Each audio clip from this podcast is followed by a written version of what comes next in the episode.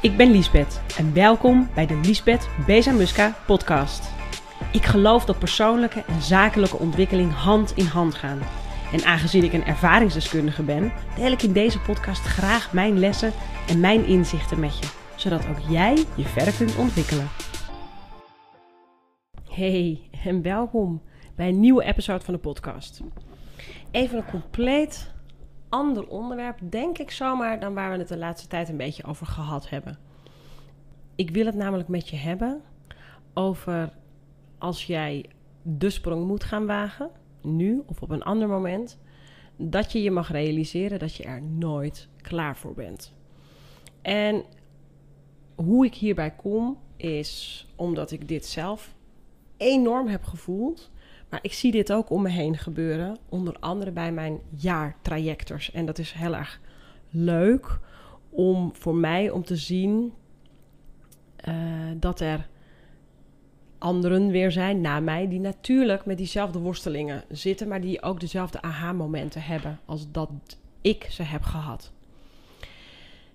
Ik weet niet of jij ondernemer bent, of al ondernemer bent, of überhaupt ondernemer bent, of dat jij misschien een ondernemersdroom hebt. Misschien ben je 50-50 ondernemer. Heb je nog een soort baan ernaast, of een ander bedrijf ernaast waar je makkelijker geld mee verdient. En ben je een nieuw bedrijf daarnaast gestart, wat misschien diep van binnen wel je passie is. Er zijn natuurlijk ontzettend veel opties. Zelfs, ik noem ze natuurlijk nog niet eens allemaal maar vaak is het wel zo dat veel ondernemers, zeker in het begin of hè, bij een switch, dat ze iets anders daarnaast hebben. En dat vind ik ook heel verstandig. Dit promote ik ook altijd. Um, ik heb ooit gelezen in het boek Big Magic van Elizabeth Gilbert. Dat zij, ik weet niet of je Elizabeth Gilbert kent, Gent, of je haar kent. Zij is van het uh, zeer beroemde en ook verfilmde boek Eat, Pray, Love. Uh, die hype heb ik toen der tijd voorbij laten gaan, omdat ik het zo'n hype vond.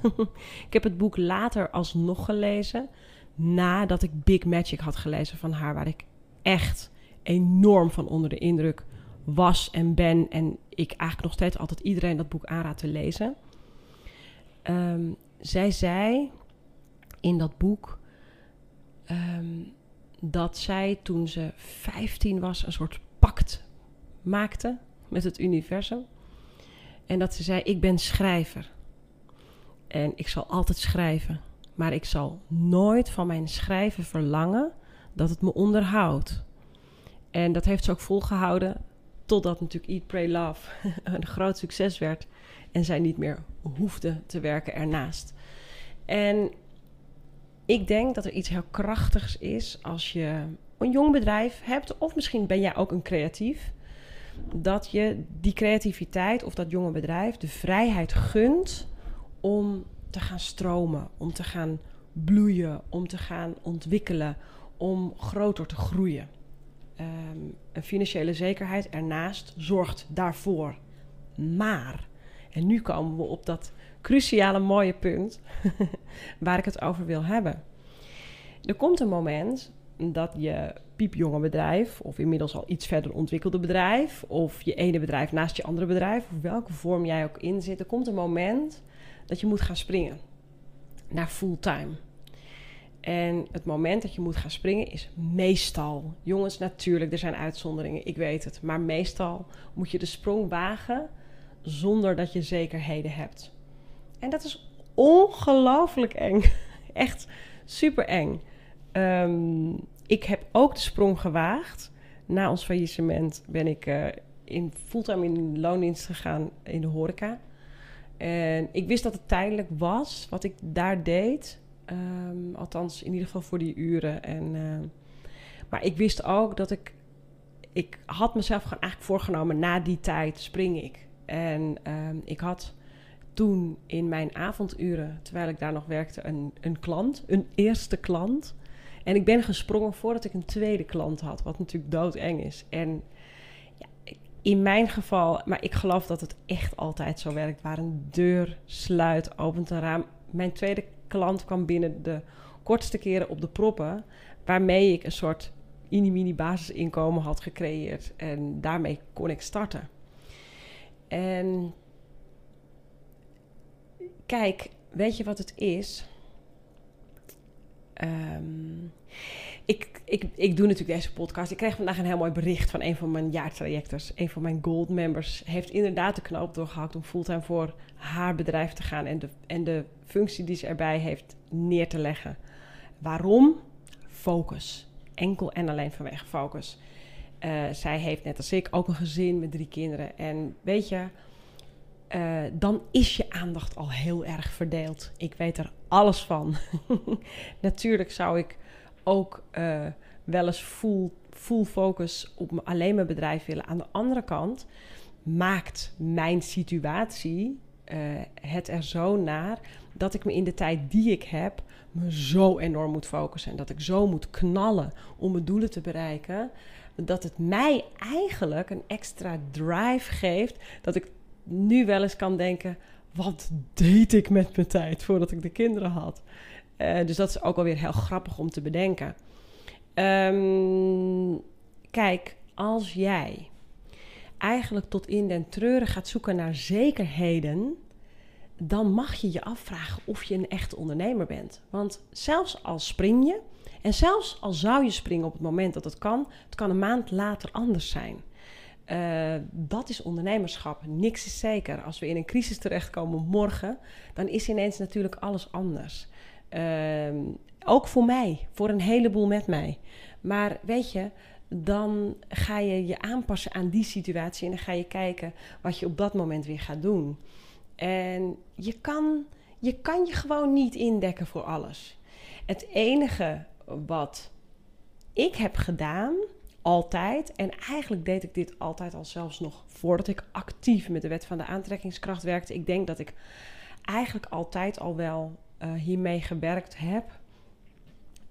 Um, ik, ik ging er ook echt van uit toen ik de sprong waagde dat er snel iets anders zou komen. En ik heb me heel eerlijk gezegd niet, niet in het zweet gewerkt om keihard te zoeken naar zo'n klant. Omdat ik heel sterk geloof, en dit heb ik van Jim Rohn: opportunity shies away from need. Dus op het moment dat jij iets moet, dus je moet van jezelf een nieuwe klant. Of je moet. Oei, pardon, ik schop hier even iets omver in huis. Pardon. dus als jij een nieuwe klant moet, of je moet een nieuwe opdracht, of je moet het. De, dan is de druk op de ketel te hoog en dan vloeit het niet. En dit is misschien wel het moeilijkste van het werken met de wet van de aantrekkingskracht. Is vertrouwen hebben in dat het naar jou toe komt. Vertrouwen hebben in dat het goed komt. En dat dus ook los kunnen laten. En weet je, uh, zelfs al heb je de sprong gewaagd en zelfs al gaat je bedrijf super voor de wind, dan nog mag je je realiseren, je komt nooit op een punt in je leven, überhaupt denk ik serieus dat dat punt nooit gaat komen dat je denkt, zo, nou, en nu heb ik alles eens even lekker voor elkaar. Mijn gezinnetje met ditje, met datje, alles is in kannen en kruiken. Nee, want als je bedrijf groeit, dan heb jij grotere verantwoordelijkheden. En dan ben jij altijd the last one in defense. En dan ben jij altijd degene die de laatste problemen of de, juist de grootste probleem moet oplossen. Dus snap je dus het is natuurlijk niet zo dat een groter bedrijf of groot of meer omzet, of dat dat dus maar automatisch zaligmakend is. En dat is net zo met een gezin. Ik bedoel, Um, kinderen zijn in iedere leeftijd in een bepaalde fase. En dat gaat allemaal met ups en downs. En jij zelf toch ook? Ik bedoel, je hebt in een maand tijd alleen al. natuurlijk zeg ik een maand tijd als in de vrouwelijke cyclus. Maar weet je, je hebt gewoon um, persoonlijk al je ups, je downs. Je gaat mee in de seizoenen. Uh, hè, je, het weer, de zon, uh, eindeloze druilerige dagen, um, winterdipjes. Weet je, dat is gewoon hoe het is.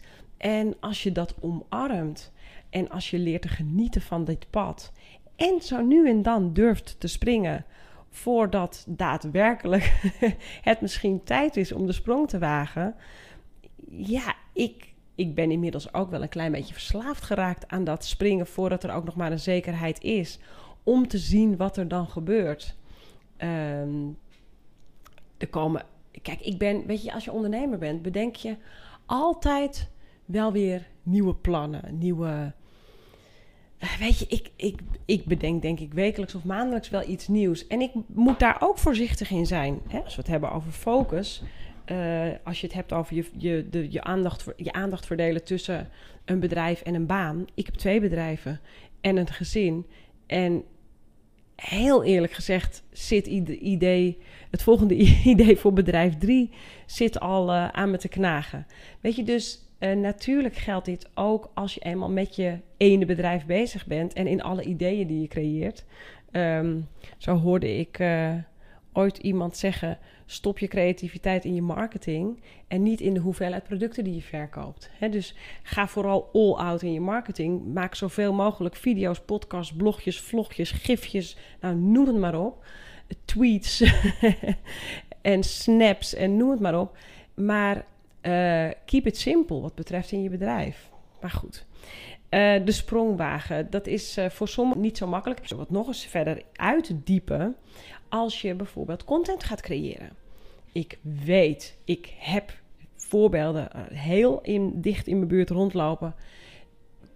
de stap nemen naar content creëren of met je kop online komen, of met je stem iets gaan doen, of überhaupt starten met een contentstrategie voor je bedrijf, kan al uh, zorgen voor het continu overdenken en wel gaan, niet gaan, wel gaan, niet gaan, wel gaan, niet gaan.